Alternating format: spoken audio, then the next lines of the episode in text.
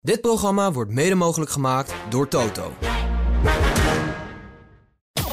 Nou, dat vind ik een uitspraak om iets te zeggen. De- Nou, het is Ralf Schumacher, dus Ja. die sowieso niet eh, nee, serieus nemen. nee, dus, nee, nee, ik vind dat een waardeloos verhaal. Nee, die Ralf Schumacher heeft nooit wat goeds gezegd. Nee, ik denk niet dat hij daarnaast zit. Hallo iedereen, eh, Max Verstappen hier, wereldkampioen Formule 1 en je luistert naar Grand Prix Radio. Max Verstappen was ongenaakbaar, maar vond het kwalificatie-experiment eigenlijk met die verplichte compounds helemaal niks. Een historische zege van Red Bull op de Hungaroring met een nieuw record. En het staat nu al 2-0 voor Daniel Ricciardo. Welkom bij aflevering 30, jaargang 5 van Nederlands grootste Formule 1 podcast vanuit de Harbor Club in Vinkenveen. Ik ben Olaf Mol en dit is Formule 1 aan tafel.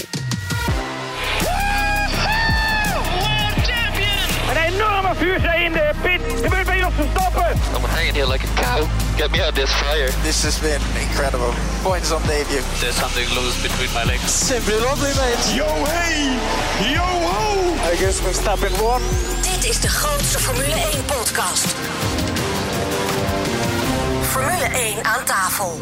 Ja, we hebben een eh, volle tafel met, eh, ik denk voor eh, 300 jaar eh, raceervaring eh, ongeveer een tafel. De eerste gast, Michel Blekemolen, voormalig Formule 1-coureur ook. Ehm, korte vraag, welk cijfer krijgt Oscar Piastri? Ik denk een 4, want het is hij ook geworden. Want dat is teamgenootje voor moeten blijven. En dat eh, vind ik eigenlijk toch een beetje zwak. Dan er ook bij Jeroen Mul, omdat eh, Nicky Terpstra vanwege persoonlijke omstandigheden er ineens niet bij kon zijn. Dank je dat je gekomen bent. Je bent fabrieksrijder bij eh, Lamborghini, technisch analist bij Grand Prix Radio. Ehm, was dit de gemakkelijkste overwinning van Verstappen ooit? Nee, denk ik niet. Oké. En natuurlijk voormalig teambaas van Jos Verstappen, Frans de Schuur. Eh, korte vraag, eh, Frans. Eh, hoe vond jij het optreden van Daniel Ricciardo? Ja, super. Goed, Verstappen vond het nieuwe kwalificatieformat maar helemaal niks. Dat stak hij ook niet onder stoelen of banken. Hij noemde het eigenlijk zelfs waardeloos. Door het aantal sets banden terug te dringen naar 11... blijft er volgens Verstappen blijven er te weinig banden over voor de vrije trainingen. Zien de mensen dan ook veel minder. Coureurs gaan zuiniger met de banden om. En er is dus minder actie, vindt hij. Ehm, ook het argument dat het duurzamer is, veegt hij van tafel. Want ja, volgens Max worden er bijna ieder weekend 30 sets regenbanden weggegooid. Als ze niet gebruikt worden. Eh, dus maakt het dat niet duurzamer. Heeft hij hier een punt, Jens? Ja, vind ik wel. Ik vind de, de vrijdag wordt natuurlijk nu een hele saaie bedoeling. En zeker als het een beetje ja, eh, kritisch wordt met banden op een circuit, dan gebruiken ze de eerste vrije training bijna niet. En dan rijden ze bijna niet. Ja, en het publiek betaalt natuurlijk ook een hoop geld voor zo'n kaartje. En die zit dan een beetje ja, van het weer te genieten of van de regen te genieten. Nee, hoe, zie- hoe, hoe zie jij dat? Ja, dat is niet eh autocoureurtje pesten. Dat is natuurlijk een commerciële gedachte erachter. Want waarschijnlijk vernietigen ze de regenbanden. Ja. Die hoeven dan niet terug. Scheelt weer een vliegtuigje zo wat. Eh, de, eh, bewijs van. En allemaal dat soort dingen. Als je erover nadenkt, heeft het allemaal een commercie. Ja, terwijl idee. zij zeggen dat het om de duurzaamheid gaat. Maar, maar wat doen ze dan met die regenbanden? Die, die als ze dit weekend niet gebruikt worden? Ja, maar waarom gebruiken ze het weekend erop dan niet? Omdat ze dan weer uitgedroogd zijn. geld om ze terug te sturen. Nee, en, en dat, en dat doen ze bij MotoGP. En dan hoop je dat je niet een setje banden krijgt... wat er anderhalve Ja, ja, week achter ja. in een vrachtwagen gelegen Ja, heeft. ja, ja, oké. Dat doen ze niet meer. Maar even over die, over die duurzaamheid, zie jij daar wel wat in? Want het is natuurlijk een rekensom. Het was iets van 17 ton uitstoot wat het dan zou schelen. Ja, ik weet het niet. Het, eh, er, zal, er, zal onget, ja, er zal ongetwijfeld een rekensom achter zitten. En ze Ja. bedenken het echt niet zomaar. Ehm, maar ja, dit is dan zo'n experiment. En dan gaan ze zien of het werkt. Is het eh, ja, kostenbatenanalyse? ehm, levert het genoeg op ten opzichte van wat het kost? Ja, nee, anders eh, gaan we door. Ja, het format krijgt dus een vervolg. Dat is tijdens de Grand Prix van Monza gaan ze het opnieuw proberen. Ehm, heeft het gewerkt? Vinden jullie dat het gewerkt heeft? Het bandenaantal niet, maar ik vind wel die de qualifying met eh, van wit, eh, geel, rood, dat vond ik wel, eh, ja, wel apart. Ja, het zorgt er wel voor dat iedereen op ieder moment op dat dezelfde was band wel voor rijdt. het publiek leuker. Want we krijgen een reëler beeld van wat er aan de hand is. Ja. Allemaal dezelfde banden, dus eh, klaar. Wat ik er moeilijk aan vond, is dat die harde band wordt natuurlijk gebruik- gebruikt normaal gesproken in lange stints. Nu moet je een harde band in anderhalf rondje aan het werk zien te krijgen voor een optimum window. En dat had Alfa Romeo best goed voor. Ja, en dan zag je toch op het einde dat er sommigen toch nog naar een nieuwe witte band gingen. Om dan toch nog even iets uit die eerste window te halen. Ja, dat vond ik toch wel ja, apart. Alright. Ja. Goed, de kwalificatie op zaterdag was dus eh, uiteindelijk verrassend te noemen. Hamilton eh, zette zijn Mercedes op eh, P1. Drieduizendste van een verschil ten opzichte van Verstappen. Hij dus tweede en Lennon Norris op P3. En het grote talent eh, Oscar Piastri op de vierde plek. Guang Yu Zhou met de Alfa op P5 en daarachter Leclerc op P6. Een dag later was het warm op de Hongaroring. 30 graden en een asfalttemperatuur van zo'n 50 graden bij aanvang. Het is zondag 23 juli 2023. Grote prijs van Hongarije. Vijf lampen zijn aan. Uit zijn ze en we zijn onderweg. En heeft iemand een topstart? Een van de Alfa's heeft een berenstart. Dat was wel duidelijk. Lewis Hamilton naast elkaar met Max Verstappen. Richting bord 1. Dat wordt knijpen. Dat wordt knijpen. Max zit aan de goede kant. Max zit aan de goede kant. En laat hem ietsjes lopen. En aan de binnenzijde zien we een McLaren inschuiven. Is Piastri slim geweest? Dat is de grote vraag. Ik denk het wel. Hamilton zakt nu al terug.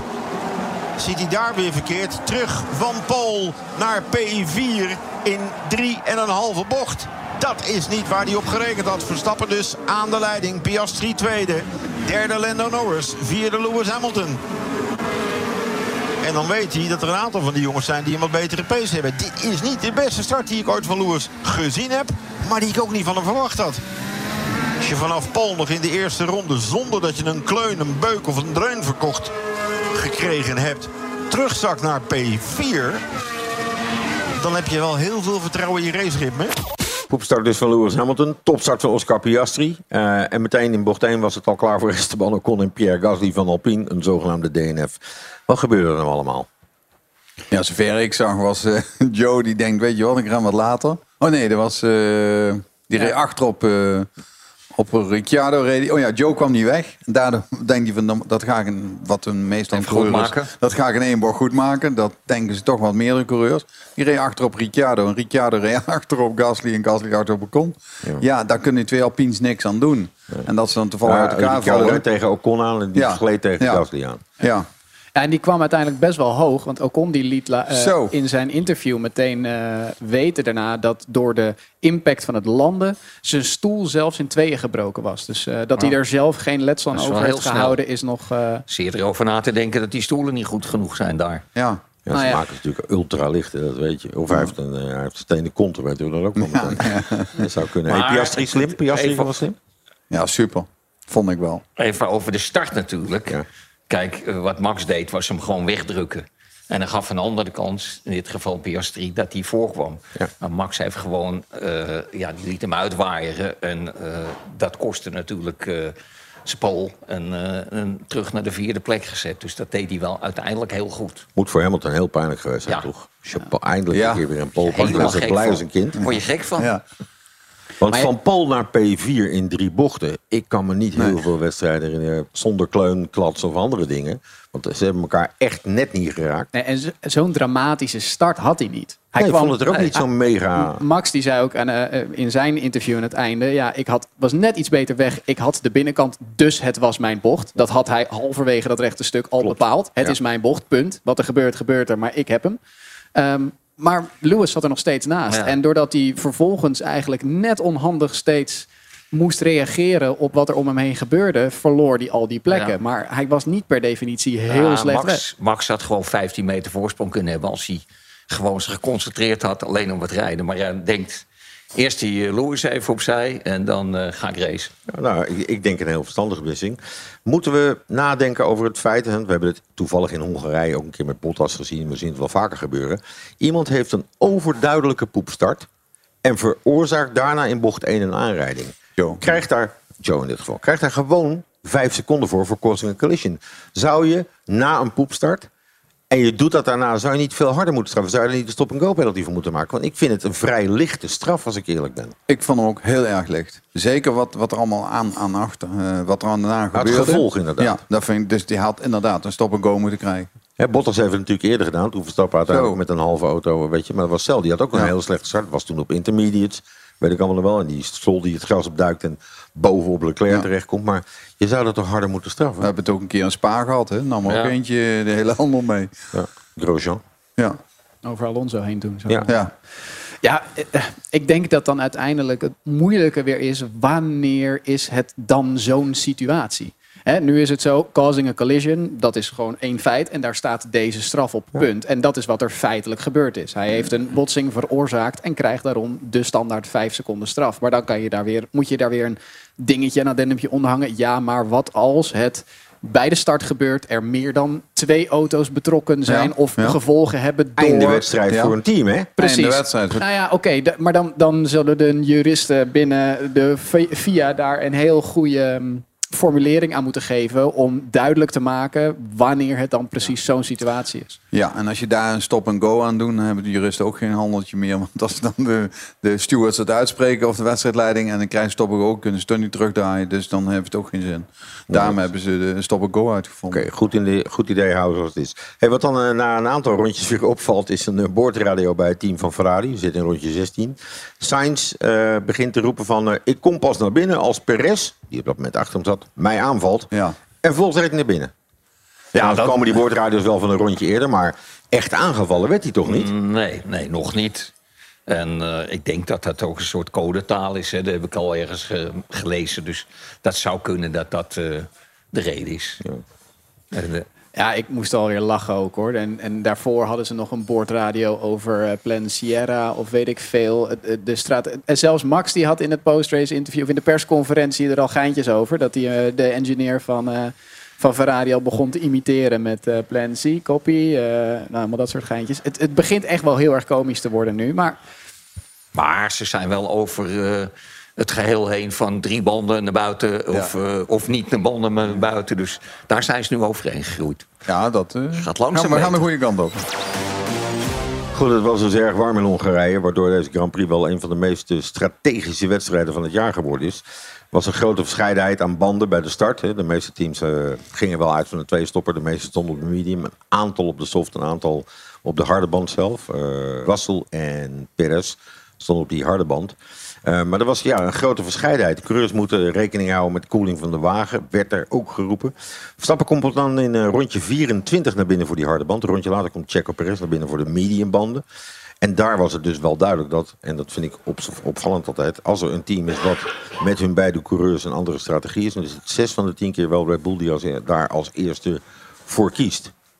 Ja, ik vind dat verstandig. Ja. Ik begrijp niet dat andere teams die verder naar achter toe staan, dat ook niet meer doen. Want ja, je, altijd eentje die is, die is daar echt winnaar voor. En ik vind er meerdere bij. Bij Red Bull lijkt het net of eh Perez opgeofferd wordt om te kijken hoe het op dat moment is. Waardoor Verstappen de goede, makkelijker de betere keus kan Ja, maar dat maken. bepaalt natuurlijk ook zijn startpositie. Hij start Ja. 9 en Ja. Max start 2. Ja. Dus als je wat wil gokken, ga je het niet met de voorste man doen, maar Nee. met de man die erachter staat. Ehm, vraag je, de- wat voor effect heeft warmte op een Formule 1 auto? Ja. Wil de redactie graag weten, maar... Nou ja, jij bent technicus Nou ja, goed. Ehm, alles draait om temperatuur. Ehm, sowieso is het zo natuurlijk, je hebt eh, de banden die heet of te heet kunnen worden. eh, en natuurlijk de motor ook. Ehm, die motor en de hele hybride systemen die genereren van zichzelf al zoveel hitte... dat hoe meer temperatuur er sowieso inkomt... hoe minder vermogen ze ook kunnen vragen van die motor... omdat die anders te heet wordt. Dus alles eh, bij elkaar is dat natuurlijk heel belangrijk. Jawel, maar die motor draait op 134 graden, omdat het systeem onder druk staat. Dus wat, heeft, wat is dan 26 graden buitentemperatuur, wat doet dat dan mee? Het gaat dus om hittemanagement, wat ze zelf creëren. Toch? Zeker, zeker. Nou ja, goed. En daarbij heb je ook nog de hitte die van de auto's voor je komt. Ja.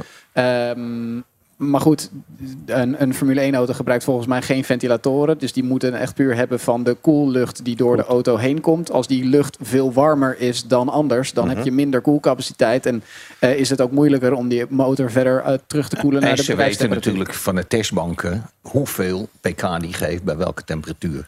Ja, er kan eh, zomaar eh 10, 20 pk verschil tussen. Of die motor 70 en ik hoor jou 126. Nee, 100, het, het eh, koelingssysteem, omdat het onder druk staat, ga- draait op 134 graden. Dan denk je, dan koken dingen toch. Maar goed, koelvloeistof onder druk kan het dus allemaal hebben. Dus zo hoog kunnen ze gaan. Want ze kunnen natuurlijk tegenwoordig, als ze pitlane uitrijden, staan ze er soms ook een minuut wat ze vroeger niet konden. Ja, En dat kan tegenwoordig ook allemaal. Dus. ja. De wedstrijd gaat verder. 35 minuten zitten erop. Dan zitten we al in rondje nummer 25. En Lewis Hamilton kan het dan toch weer niet laten. Getuigen deze boordradio van Lewis. Where, uh, where am I losing all the time? I'm just the car slow. Uh, so a lot of it is straight line, uh, then turn 11 and turn 14. Waar verlies ik... Sorry, waar verlies ik mijn tijd? Things to improve temp situation had niet verwacht dat hij nog een keer door zou gaan. Waar verlies ik mijn tijd? Nou, hoofdzakelijk op de rechte stukken. Eh, zijn we de motor aan het terugschroeven? Nee. Wat hij daarmee trouwens bedoelt is de deployment van de elektriciteit. Want hij mag niks met die motor zelf doen. Is dit nou serieus of eh, is het een beetje klagen om het klagen? Want ja, hij verliest wel wat tijd. Maar het is, het nou, is dit typisch wat jij zegt, Michel? Dit eh, hoor ik Lewis vaak doen als het niet gaat zoals hij wil. Ja, gefrustreerd een beetje. En, Maar wat heb je eraan? Want ze kunnen ook niks veranderen. Het is een Eh, constatering. Nee, je mag niet de motormapping veranderen. Nee, niet meer. Eh, Dus het Je is mag terug als je een probleem hebt. Maar dan mag je hem ook daarna, als het probleem opgelost is, niet Weer- weer naar een hogere stand zetten. Nee, dan blijft hij daar staan. Dus, eh, ja, dus ik weet niet wat het idee erachter is. Lewis die zat na die kwalificatie, na die pole position, vol hoop. Ja. Die had het gevoel. Ja, maar die had het Ja. gevoel, yes, we zijn er weer. Bam, ik sta als eerste voor een Red Bull op de grid dit jaar. Fantastisch. Eh, helemaal voor elkaar. En ehm, die gaat vervolgens die race in, laat zich piepelen in die eerste paar bochten en kan het tempo niet meer volgen. En hij is in de war. Denkt, hoe kan dat nou? En het was puur dat Max zijn kwalificatiepace iets minder goed was ten opzichte van de rest Zeker. dan normaal. Maar zijn race pace was net zo goed als altijd, of nog beter. Ook daardoor. Halve seconde per ronde ten opzichte van Perez. En Ja. als je dus met 34 seconden voorsprong wint, is het eigenlijk een halve seconde ten opzichte van het veld. 7 ronde, 35 seconden zou een halve seconde per rondje zijn. Ja. En hij gaf aan, zijn kwalificatiepace was niet zo goed omdat hij meer onderstuur in de auto had. En in een kwalificatie, en zeker Max, die wil in de kwalificatie op dat ene rondje hebben dat zijn voorkant, zijn voorwielen precies doen wat hij wil en, en super scherp is. Maar die balans die zorgt er juist in de race voor dat zijn banden netter blijven, dat hij een constant hogere pace kon blijven rijden. En dat resulteerde ook in die voorsprong. En daar was Lewis helemaal door in de war. Ja, maar eh, kijk, kijk naar, eh, naar, de, naar de beelden van twee races terug. En van deze beelden na de eh, qualifying. Dan zie je die mondhoeken zie je echt stijl omhoog staan. En al die keren ervoor zwaar naar beneden. Dus die man is zo gefrustreerd dat het zo is afgelopen. Frans van tevoren dacht men dat het moeilijk inhalen was op de Hungaroring. Maar we hebben toch wel wat inhaalmanoeuvres gezien. Maar bijna allemaal bocht heen. Dat is wel de natuur van dit circuit. Ja, maar ja, gelukkig dat die er dan nog is. Want anders was het helemaal achter. De rest kun je ook bijna niet inhalen. Dat eh, ja, ik zou niet weten waar je, als je niet een beetje verdedigt. Of je laat iemand voorbij, dat zag je ook soms. Nou ga jij dan maar voorbij. Maar anders is bocht 1 zeg maar de enige mogelijkheid. Ja, Stroll liet Alonso voorbij, deed hij ook voor bocht Ja. heen. Want daar heeft hij de minste last van. Ja. als het net niet lukt in bocht 1, dan zou je het eventueel Ja, nog bocht twee buitenkant zou- ja. bocht 2 kunnen Ja, doen. Door die DRS. Daar zijn ze ook geweest, hè? Precies. Pe- Perez Russell zien Ja. pakken en Perez uiteindelijk Piastri zien pakken. Maar hey, Perez zit een rondje 31 achter Hamilton. En Red Bull zegt over de bordradio, just wheel him in. Zijn ze de naam van Hamilton vergeten? Of is dat echt gewoon, is die naar, bestaat die naar, is die er echt? Of die is echt. ja? Ja, dat denk ik wel. gewoon niet uitspreken. Nee, niet uitspreken. Hetzelfde is- dat toch Rotterdam, moeite. Rotterdammers zeggen ook niet eh, tegen Amsterdam, zeggen 010. En andersom ook. Maar ja, Maar ja, spreken het ook niet uit. Ik denk dat dat toch een soort nijd zit. Lewis heeft eh, toch ook heel vaak naar Max gerefereerd als this guy. Ah, was Ja. helemaal in het begin. Hè? was echt Ja. helemaal in het begin. En, eh, daarna heeft wist hij zijn naam nog niet, misschien. Heeft hij het respect wel gekregen. Heb jij, dat, heb, jij, heb jij concurrenten gehad ergens in de loop van jouw vrij korte carrière? ja. Michel Jij. Lekkermolen? Jij? Ja? Maar die, die grote naam noem ik niet. Nee, maar ja, dat, dat kan. Ik zeg ook wel Wat eens wat je over daarmee, mensen. voor je gevoel? Nou ja, Zet- dat- Zet je hem gewoon weg. Daar, ja, nou ja, die, eh, die noem je die eh, L. U. Een letter erachter. Ja. Die noem je dan wel eens zo natuurlijk. Dus ik kan me dat wel voorstellen. Jij zit hier breed bij te lachen. Ik denk dat hier nog meer achter zit. Nee, nee, nee, maar dat komt vrij veel voor, denk ik. Misschien ben ik afwijkend, maar als ik naar mijn Michel en ik overburen kijk, is het hetzelfde. Michel en ik hebben al bij Cup geraced. En bij Cup Ja, race- goh, joh. dan heb je veel meer douwen en trekkers bij de Formule 1. En, nou, en dan, dan, als je op het goede moment iemand tegen iemand een hoekje gaf... dan lag die vijf hoog in de vangrail. Ja, weer en een dan, half en dan- tonnetje verder. en dan was die andere, die was echt pissig. En die kwam dan verhalen halen. En dan zei hij, wie ben jij dan? Weet je dan deed hij hem nog een keer alsof ik hem nooit gezien had. We gaan even terug naar de wedstrijd, want eh, er komen nog wat bandenwissels eh, her en der. En dan komt Perez in rondje nummer 43 binnen. En dan noteert hij een 1,9 seconden pitstop. Maar geen consequentie, blijkt. Ja, ik eh, dacht ook van, ik dacht dat het niet sneller dan twee seconden mocht. Maar is er ergens iets... Nou, ik weet het antwoord, maar ik zit te kijken. Nee, ik weet het echt Ik niet. had hetzelfde, En je hebt ons gisteren- meteen, oh, die krijgt straf. Ja, dat dacht dus- ik ook. Alleen het is het plan geweest voor de vier jaar om Ah. daar straf aan te delen. Maar we zijn er uiteindelijk achtergekomen dat dat super lastig is. Ze zouden met allerlei sensoren gaan werken. Omdat de Formule 1 teams in het verleden zeg maar een 0,15 re- normale reactie van elk mens van oké, ik ben klaar en ik haal dat ding weg. Die manipuleerden ze op 0.15 voordat hij klaar was, dat het groene licht kwam, waardoor hij eigenlijk precies op het juiste moment ging. Maar er zit dus geen straf aan. Dat is Ah, in feite is nooit serieus geworden. Nee. Nee. Het is een uitprobeerseltje geworden en het is wat het is. Goed, op dat moment eh, in de wedstrijd is de stand eh, Verstappen, Hamilton, Norris. Maar Hamilton moet een rondje 50 naar binnen. Voor een setje mediums komt als vierde terug in het veld. Verstappen heeft een gratis pitstop in verband met zijn grote voorsprong. Rondje nummer 51 en hij noteert ook nog even de snelste raceronde. En dan, na 1 uur en 38 minuten, komen we hier terecht. Of het Max Verstappen dus. Overwinning 44 richting zijn kant. Ik heb echt niet een wiel verkeerd zien staan. Grand Prix Hongarije, uiteraard. Kun je zeggen in 2023 valt wederom ten aan Verstappen. En de rest bijt zich weer stuk op de long run pace van Verstappen en de Red Bull.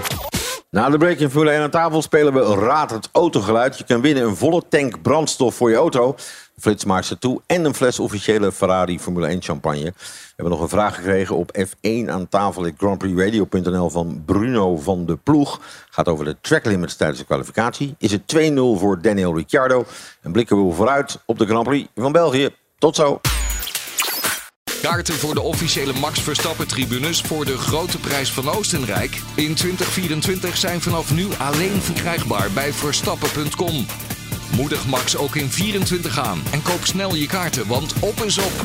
Verstappen.com is het enige en officiële verkoopkanaal van tickets voor de Max Verstappen tribunes.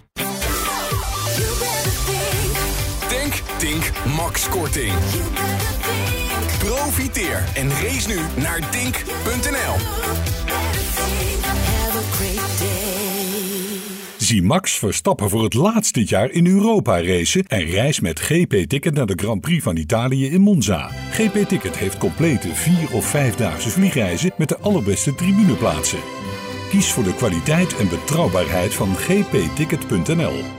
WePly zet jouw websitebezoekers om in bruikbare leads. Met de volledig uitbesteden livechat van WePly haal je meer waardevolle leads uit je website. Al meer dan 2000 tevreden bedrijven gingen hiervoor. Probeer WePly 7 dagen gratis en ontdek het gemak van sales gekwalificeerde leads rechtstreeks in je inbox. Kijk op wePly.nl slash Grand Prix Radio voor meer informatie. Welkom terug bij de grootste Formule 1 podcast van Nederland. Dit is Formule 1 aan tafel. Er is een vraag binnengekomen van een luisteraar. In dit geval Bruno van de Ploeg. Via het mailadres f1 aan tafel De vraag is... Wij zagen de kwalificatie op de Hungaroring. En wij vroegen ons af waarom ze geen tracklimit pakken... in de laatste bocht voordat ze hun vliegende ronde ingaan. In principe kun je dan met meer snelheid het rechte stuk opkomen... En het maakt niet uit of die eh, ronde dan afgepakt wordt, want je zit dan in je outlap en gelden er dan ineens leaving the track and gaining advantage regels. Gentlemen, is het een goed plan of is het een slecht plan? Nee, de regel is volgens mij dat op het moment dat in de kwalificatie jij een track limit overschrijdt en je ronde wordt afgepakt, ook de volgende ronde wordt afgepakt, juist om dit te voorkomen. Kijk, nou, even zo kort als helder antwoord. Want Ja. dat, is het, dat is het namelijk. Heb jij nou ook een vraag? Eh, stuur hem dan naar eh, F1 aan tafel grandprixradio.nl En wellicht beantwoorden wij deze in de komende podcast. Goed, Verstappen heeft in Hongarije dus eh, de twaalfde zege op rij voor elkaar gebokst. Dat is een historische zege, want ja, daarmee verbreekt hij ook met zijn team het record van McLaren uit 1988. 35 jaar in de boeken, ook met Honda toen de tijd. Senna en Prost en die McLaren. Zelfs Max ook op hard op weg naar een record. Dat is van Sebastian Vettel. Die pakte in 2013 negen zegens op rij. Max staat nu op zeven. Hoe bijzonder is dit record? En dan heb ik het even over dat ze dus nu dat 35 jaar oude record van McLaren voorbij zijn. Ja, er zijn wel meerdere races, maar dat heeft niks met te maken met races achter elkaar. Maar wel eh, wat hij met Vettel, zeg maar, als die voorbij zou gaan. Ja, het zijn nu natuurlijk wel heel veel races. En hij heeft zoveel overmacht met Red Bull. En ik, ik vind het heel bijzonder, echt heel bijzonder. En de rust die hij heeft. Hij raakt nooit in paniek. Als je Norris hoort praten door de radio, dat is toch een soort, ja, daar, daar, daar, daar, allemaal toe. Maar hij blijft gewoon netjes praten. En dat- ja, dat vind ik zo Gaat goed. hij, dat, gaat hij dat van Vettel pakken? Dat, dan zou hij er nog drie moeten winnen. Ja, en als ik jullie alle drie aankijk, dan eh, knikken we allemaal ja, denk ik. Want Ja. dat zal echt gaan gebeuren. Het gaat gebeuren. Ja, hè? Zien wij nu de ultieme rust van de kampioen in Verstappen? Ik zeg niet dat hij veranderd is, maar het is ja. Hier Nou, ben ik, ja. dit heb ik. Kom maar op. Het gaat zoals hij wil en dan is hij rustig. Als het niet gaat zoals hij het wil, dan doet hij dat niet meer door de radio, maar daarna, denk ik. Zien we nog ergens een bottleneckje voor Verstappen eh, als hij dit eh, wil gaan pakken? Komt er nog een keer, wat bedoel, als je aan elkaar rijgt van ja, finish het altijd maar. Eh, wat is het nu? 23 keer achter elkaar eh, consecutive podiums of punten zelfs. Ik bedoel, is allemaal van dat soort bizarre. Zit er nog ergens een addertje onder het gras dat we denken van nou, daar kon het wel lastig worden? Nee, ik denk het niet. Ik denk dat ze ook al met 24 bezig zijn met die auto. Van nou ja, dit hebben we in de zak zitten. Wat gaan we in 24 veranderen? Dat proberen we nu al dingetjes in uit. Zo zou ik het ook doen. Ik denk dat de, de overmacht zo groot is. Dat Ook op dat, Singapore? eh, Omdat daar heel warm is? Nee, omdat eh, Verstappen zelf roept dat zijn auto op straatcircuit niet het meest toffe is. Ja. ja. Zeg het maar. Nee, ik denk dat hij daar ook goed is. Hij, eh, Ja, daar wordt hij ook weer gewoon weer eh, winnaar. En wat ik ook vooral mooi vind om te zien is dat zijn motivatie niet stopt. Hij blijft. Ja, maar- on- Nee, ja, maar hij blijft ongekend gedreven. Dus hij, denk ik, je- ik, denk denk je? dat er genoeg Ja. coureurs zijn die inderdaad. Nee. Hij zei ook aan het einde van de race: ja, ik had ook die laatste stint rustiger uit kunnen rijden. Maar ik wilde voelen hoe die auto het bleef doen als ik inderdaad op dit tempo door bleef rijden. En kijken hoe ver ik dat uit kon bouwen. Het was nooit verminderd Nee, maar- gemotiveerd. Nee, maar de techniek slaat zijn kant op. Het zit zo goed tussen zijn oren. Dat er loopt overal met opgeven hoofdrel loopt hij rond. Dus ja. Staat hier op tafel ook nog een mooie fles eh, Ferrari Trento Doc. Die zouden we naar jou toe kunnen sturen. Maar ja, eh, we doen er ook nog een flitsmaster toe bovenop en een volle tank brandstof voor je auto. Je hebt eigenlijk maar twee dingen nodig. A, een goed antwoord en B, een beetje geluk. Mario de Pizzaman is bij Paul van Bergen in Druten en staat buiten naast Jan Knevel. En dit keer bij een klassieke voiture. We staan buiten, want het is heerlijk weer. Dag Jan. Hey Mario, daar is hij weer. Goedemiddag. Bruin gebrand? Ja, lekker. hè? Het is lekker weer, dus eh, de kale kop wordt weer lekker bruin. Op bootje, hè? Heerlijk. Zeg, dit is een bijzondere auto. Vertel. Eh, ja, een bijzondere auto. Het is een, eh, een klassieker eigenlijk een beetje. Een, eh, een Jeep. En dat is ook nog van een, een bekende Nederlander geweest. Wordt hij dan ook duurder? Voor sommigen wel, maar ik denk voor het gros maakt het niks uit toch wie die geweest is. We willen graag het geluid horen. Kan dat? Ik slinger hem aan voor je Mario. Zeer bescheiden geluidje. Een zeer bescheiden geluidje. Ja, dat is ook van een bescheiden man geweest. Hè, dus, eh, Waar vinden we hem? deze vinden we natuurlijk weer op www.paulvanbergen.nl. Ja, daar vind je hem wel. En nog even naar Insta, hè, voor Paul. Jazeker, hè? Like hem, hè? Je weet het, hè? Mooie prijzen weer. Oh, oh, oh, oh. Van welke auto was dit geluid? Stuur je antwoord naar F1 aan tafel grandprixradio.nl. De winnaar van vorige week is Steven Lucardi uit Boskoop. Het geluid was dat van een Mercedes AMG GT. Veel rijplezier. Je mag de tank van je auto helemaal vol gooien bij Tink. En je krijgt ook een flitsmeister toeterwaarde van 80 euro. Die voorkomt weer dat je te hard rijdt. En proost, want ja, je wint dus die officiële fles Ferrari Formule 1 Trento Doc. Zoals ook de coureurs die op het podium krijgen. Na de ontslag van Nick de Vries bij Alfa Tauri waren alle ogen gericht op zijn vervanger Daniel Ricciardo. Ricciardo die eh, zijn mojo eigenlijk eh, verloren te zijn na vier redelijk teleurstellende jaren bij Renault en McLaren. Mocht hij dan weer terugkomen, eindigde wel niet in de punten, maar staan na het weekend 2-0 voor op Yuki Tsunoda. Voor hem in de kwalificatie en uiteindelijk ook nog voor hem in de wedstrijd. Volgens de analyse van de data was Ricciardo 0,26 per rondje sneller dan deze kleine Yuki Tsunoda. Eh, had hij zich een betere comeback kunnen wensen? Nou, hij heeft natuurlijk in het begin een aanrijdingje gehad. Dus is het natuurlijk niet eh, dat het daardoor alles slechter ging. Maar hij heeft wel een beetje een invloed gehad. En ik vind dat hij het heel goed gedaan heeft. Had Joeke niet gewoon een slecht weekend? Eh, zou ook kunnen. Dat, dat is mogelijk, maar eh, ja, hij heeft natuurlijk ook heel weinig trainingstijd gehad. En dat moet je ook Ja, even niet vergeten. Dus, De eerste vrije training was er niet, eigenlijk. Nee, dus eh, de- heel, heel de- lastig om Ja. toch zo goed te presteren. Dus ja, eh, het is voor Nick de, de Vries die thuis er waarschijnlijk heeft gekeken... is dat wel een beetje bittere pil, denk ik. Dit. Ja, hoe zal die thuis gezeten hebben? Als hij thuis was. Ja, ehm, absoluut eh, eh, teleurgesteld en, en balend, ongetwijfeld. Die had daar gewoon weer willen zitten. Maar ja, ehm such is life. Ralf Schumacher zegt dat hij Daniel Ricciardo, ehm, als hij eh, door blijft presteren, in 2024 naast Verstappen ziet zitten. Nou, Bij Red Bull. eh, Nou, dat vind ik een uitspraak om iets te zeggen. De- Nou, het is Ralf Schumacher, dus die Ja. sowieso niet eh, Nee, serieus nemen. nee, dus, la- nee, nee, ik vind dat een waardeloos verhaal. Nee, die Ralf Schumacher heeft nooit wat goeds gezegd. Nee, ik denk niet dat hij daarnaast zit. Nee, tenzij Nee. die natuurlijk nu zo flitsend gaat de komende races... dan zou daar natuurlijk Ja, nog maar wel even. Hij kreeg Max naast zich toen hij de flitsende man bij Red Bull was. En in de eerste wedstrijden wist hij in kwalificatie Max steeds te pakken, omdat hij allerlei dingetjes. Toen is hij door Max voorbij gereden. Toen dacht ik, ik moet hij wegwezen. Dus waarom zou hij opnieuw op de penalty stip bij Red Bull gaan liggen? Nou ja, eh, op de penalty stip, dan zit je wel in de beste auto. En dan word je tweede, en word je tweede, wereldka- tweede in het kampioenschap. Ja, dan heb je toch een geweldig verhaal nog. En ze kunnen elkaar nog eens van de weg afrijden. hè? Ja. Kan me ergens herinneren. Baku. Ja, exact. Daniel, ik denk niet dat Daniel nog de ambitie heeft om wereldkampioen te worden. Daniel heeft de ambitie om zo lang mogelijk in de Formule 1 te blijven. En waarschijnlijk gewoon goed te geld te verdienen. En als hij dat kan doen op een plek die hij leuk vindt. En dat is vooral bij Red Bull naast Max, want daar kan hij het goed mee vinden. Dan denk ik dat hij inmiddels op een volwassen positie in zijn carrière is gekomen. Waarbij hij zegt: prima, laat mij die beste tweede man maar zijn. Toch denk ik dat Helmut Marco daar eerder voor kiest om daarnaast over, eh, zeg maar, toch een jongere rijder te zetten. Als Perez eruit gaat. Hè? Want waarom zou je Perez eruit halen? Voorlopig niet, inderdaad. Nee. Die staat tweede in het kampioenschap. Heeft een iets mindere periode gehad. Hij weet zijn plek nu. Dat zal hij toch wel weten. Ik hoop dat ze die oude ook wegsturen elke keer. Ja, dan, eh, dan, dan laat Perez er lekker zitten. Joh. knallen vanuit Hongarije meteen door naar de eerstvolgende wedstrijd. De Grand Prix van België op Spa-Francorchamps. Laatste wedstrijd voor de zomerstop. En zo'n verduivelde sprint. Eh, Verstappen pakte de laatste twee keer pole position. Won er ook de laatste twee Grand Prix.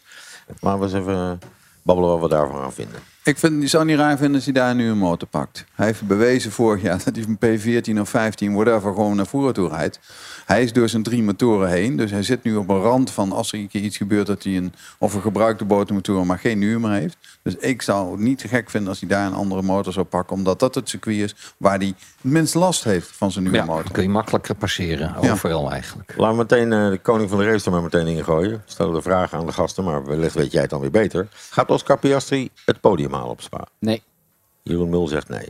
Michel, rijdt Daniel Ricciardo met zijn Alfa Tauri in de top 10? Heb ik sterk idee dat dat gaat lukken. Ja, Ja. ik zit gewoon heel heftig nee te schudden. Maar nou, vergeet het maar. Oh, geestig.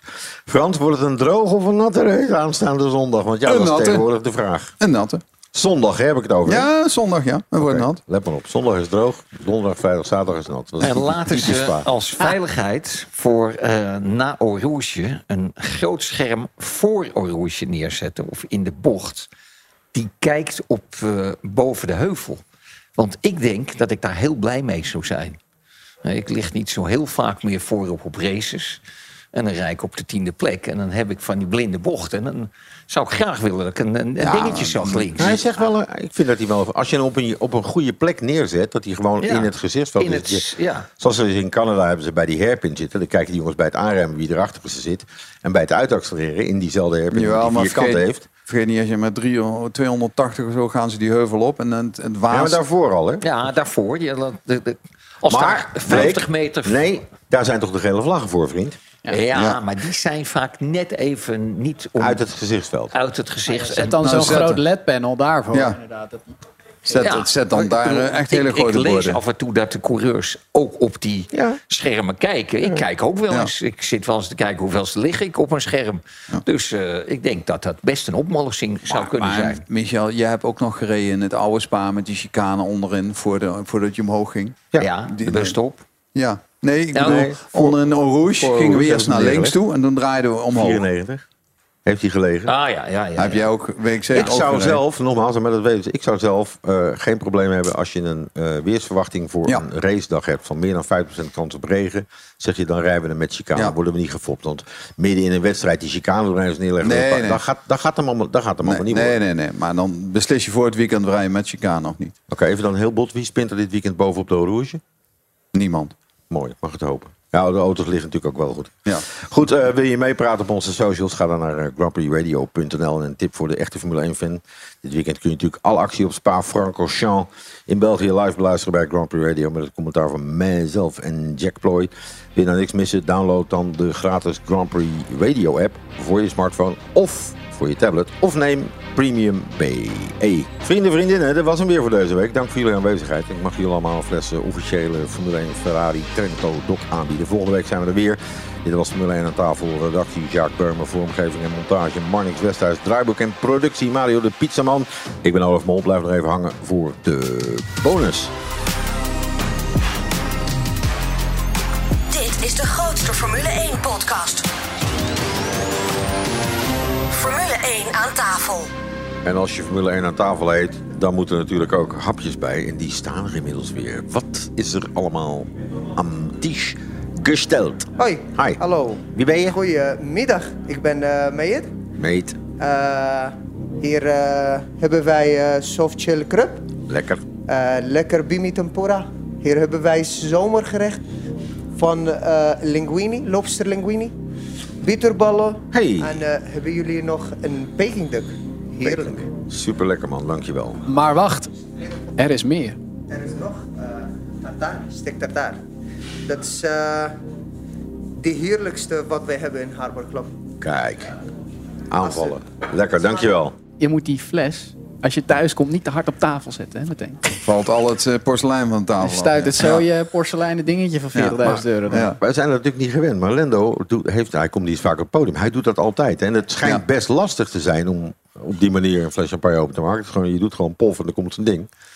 Maar het was wel grappig, want ze gaven elkaar om ongeveer de schuld. Lendo zei, ja, maar die ding van Max stond er dicht bij mij in de buurt. En, uh... Ja, nou ja, 40 mil, het was al in de deksel, hè? Ja. Dus, ja, het voetje ook, hè? Het voetje is ook afgebroken. Oké, okay, nou, maken we er 20 van. Ja, ik, ik, wij hadden het in een WhatsApp-groepje dat ik met vrienden heb, Formule 1 kijken, hadden we het Heb over. jij vrienden?